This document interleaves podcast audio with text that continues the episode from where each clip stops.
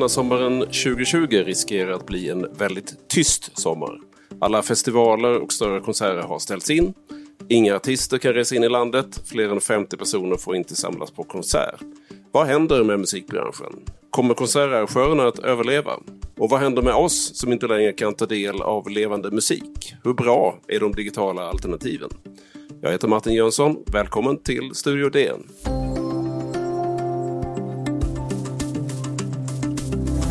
Det blir ingen Way Out West-festival i Göteborg i år och arrangören Luger har in i det sista hoppats att festivalen skulle bli av. Roskildefestivalen blir inte av i år. Planerade spelningarna på Ullevi i Göteborg. På Nöjesparken Gröna Lunds scener. Minst 3400 konserter har fått ställas in. Så har det låtit i medierna de senaste månaderna när det gäller inställda musikarrangemang. Välkommen Nils Hansson, mångårig musikredaktör på Dagens Nyheter och flitig konsertbesökare.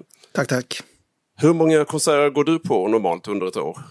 Ja, jag för ju inte bok sådär, men om vi räknar bort festivaler där det är väldigt mycket i, i, i, klump så skulle jag tippa att det snittar på ungefär två i veckan, så då är det väl hundra ungefär. Mm.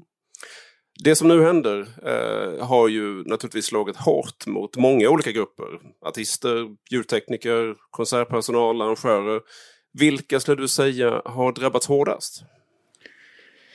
Det är ju svårt att säga generellt eftersom väldigt många olika aktörer har oerhört små marginaler och det är klart, ju mindre de är, ju färre av oss som har hört talas om dem, desto knepigare sitter de nog till. Men eh, konsertarrangörerna är nog en grupp som inte blir Eh, Eh, uppmärksammad lika mycket som en del andra mer synliga figurer.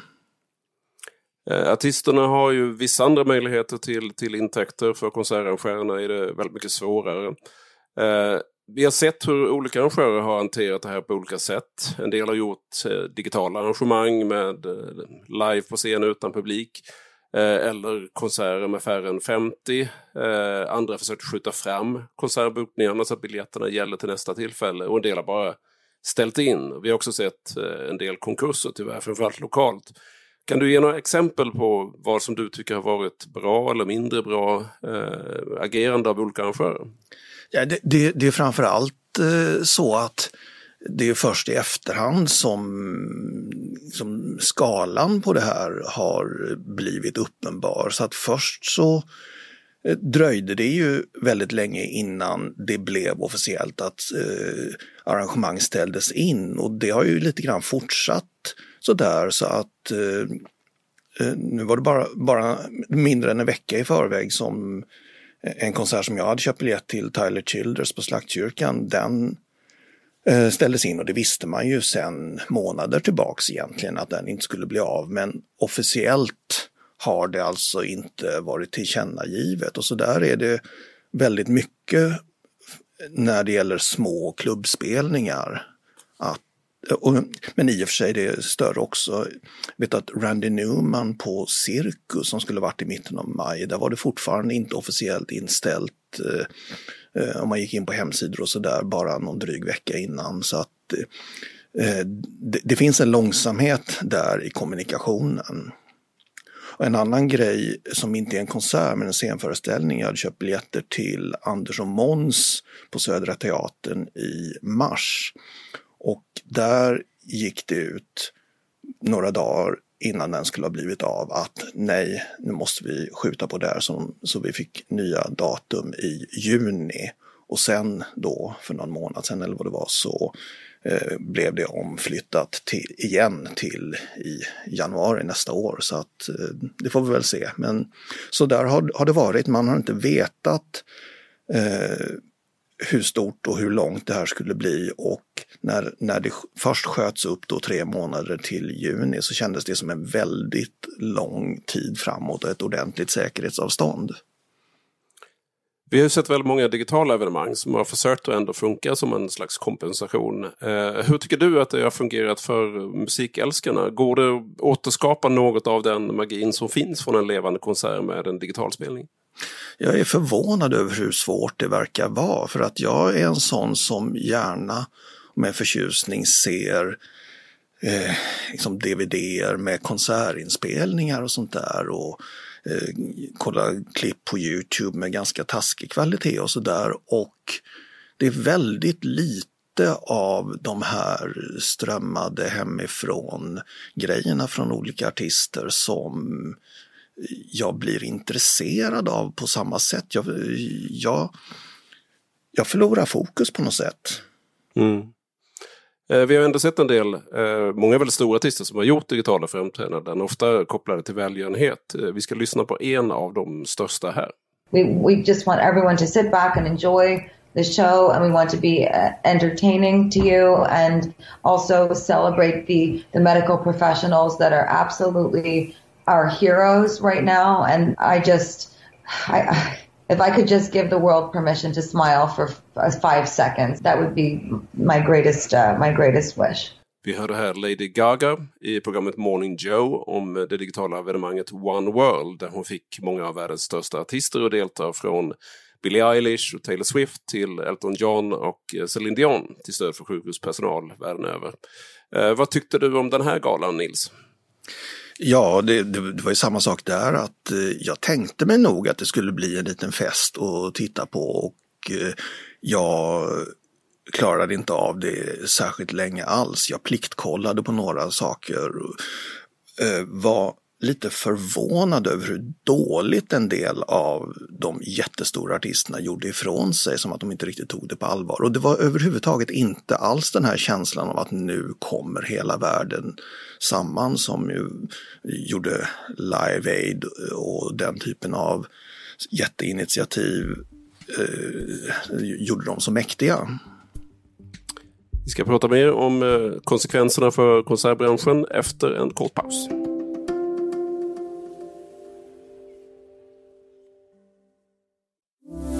Studio DN pratar om konsekvenserna av coronakrisen. Eh, om vi tittar utöver det musikaliska och för oss fans som längtar efter att få gå på konsert igen.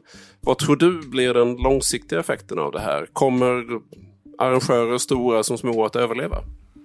Jag tror säkert att några eh, kommer att duka under och det, det finns inte så jättemånga att ta av men det är inte en bransch där man eh, skär kosing med täljkniv och eh, jag, jag, är orolig för det. det. Det är väldigt entusiastdrivet, eh, mycket av framförallt den intressanta undervegetationen, det som sker på små scener för ganska liten publik men med liksom vad, vad ska vi säga, någon sorts legendariska dimensioner i efterhand ofta. Så det är subkulturerna som kommer att slås ut, eh, tror du? Ja. Eh, alltså det är ju ingen större risk att Live Nation går under av det här eftersom det är ett enormt stort bolag med väldigt mycket resurser så att de, eh, de blöder ju som alla andra men eh, de har liksom en annan sorts försäkring. När vi pratar om resebranschen till exempel tror ju många att det kommer att vara en fördröjning innan folk om någonsin återupptar sitt gamla beteende. Hur tror du det kommer att vara med det när det gäller konserter? Kommer folk vilja trängas på Ullevi eller på, på en Way Out West-festival igen? Givet riskerna för, för olika typer av smittor. Ja, med tanke på hur det ser ut på eh, Stockholms SL-bussar idag så tror jag det. Jag tror att minnet är väldigt kort när det gäller sånt här. Om vi tittar framåt till höst och vinter då. Eh, det är väl rimligt att anta att de utländska artisterna kommer att prioritera sina hemmamarknader i alla fall när de väl kan komma igång igen. Kommer vi att se några utländska artister alls i Sverige i höst?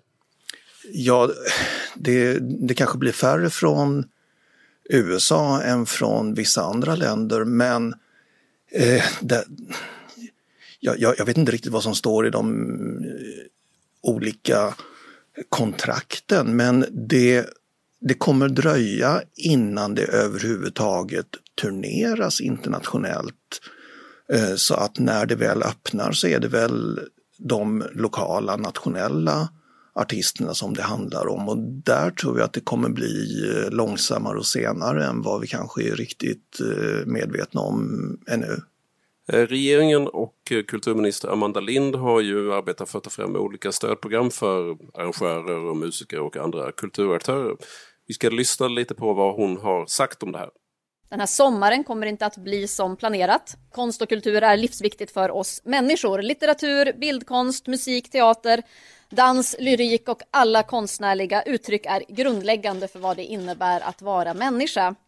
Och i den kris som vi nu befinner oss i så, så drabbas kulturlivet hårt. Och det som har tagit decennier, kanske mer, att bygga upp riskerar nu att lida stor och kanske permanent skada. Det har ju skjutits till pengar eh, från kulturdepartementet och regeringen. Eh, tror du att de åtgärderna kommer att räcka? Nej, det, det tror jag inte det finns någon som tror. Och risken är väl att de som behöver det allra mest kanske inte riktigt eh, syns i den stora huggsexan. Att det är eh, små aktörer som inte är bra på att eh, navigera i de här systemen och att eh, höja rösten tillräckligt mycket i rätt tid, eh, tidpunkt och sådär. Så att eh, eh där, där tror jag att det finns stor fara.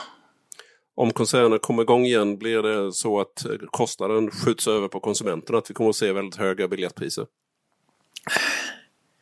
Inte mycket mer än vad som har varit tror jag för att eh, konsertbiljetter har ju blivit dyrare också i takt med att eh, större del, större del av artisternas inkomster har hamnat där. Så att de artister som har kunnat höja biljettpriset har gjort det. Och eh, det är nog ganska väl utprövat vad marknaden är med på redan.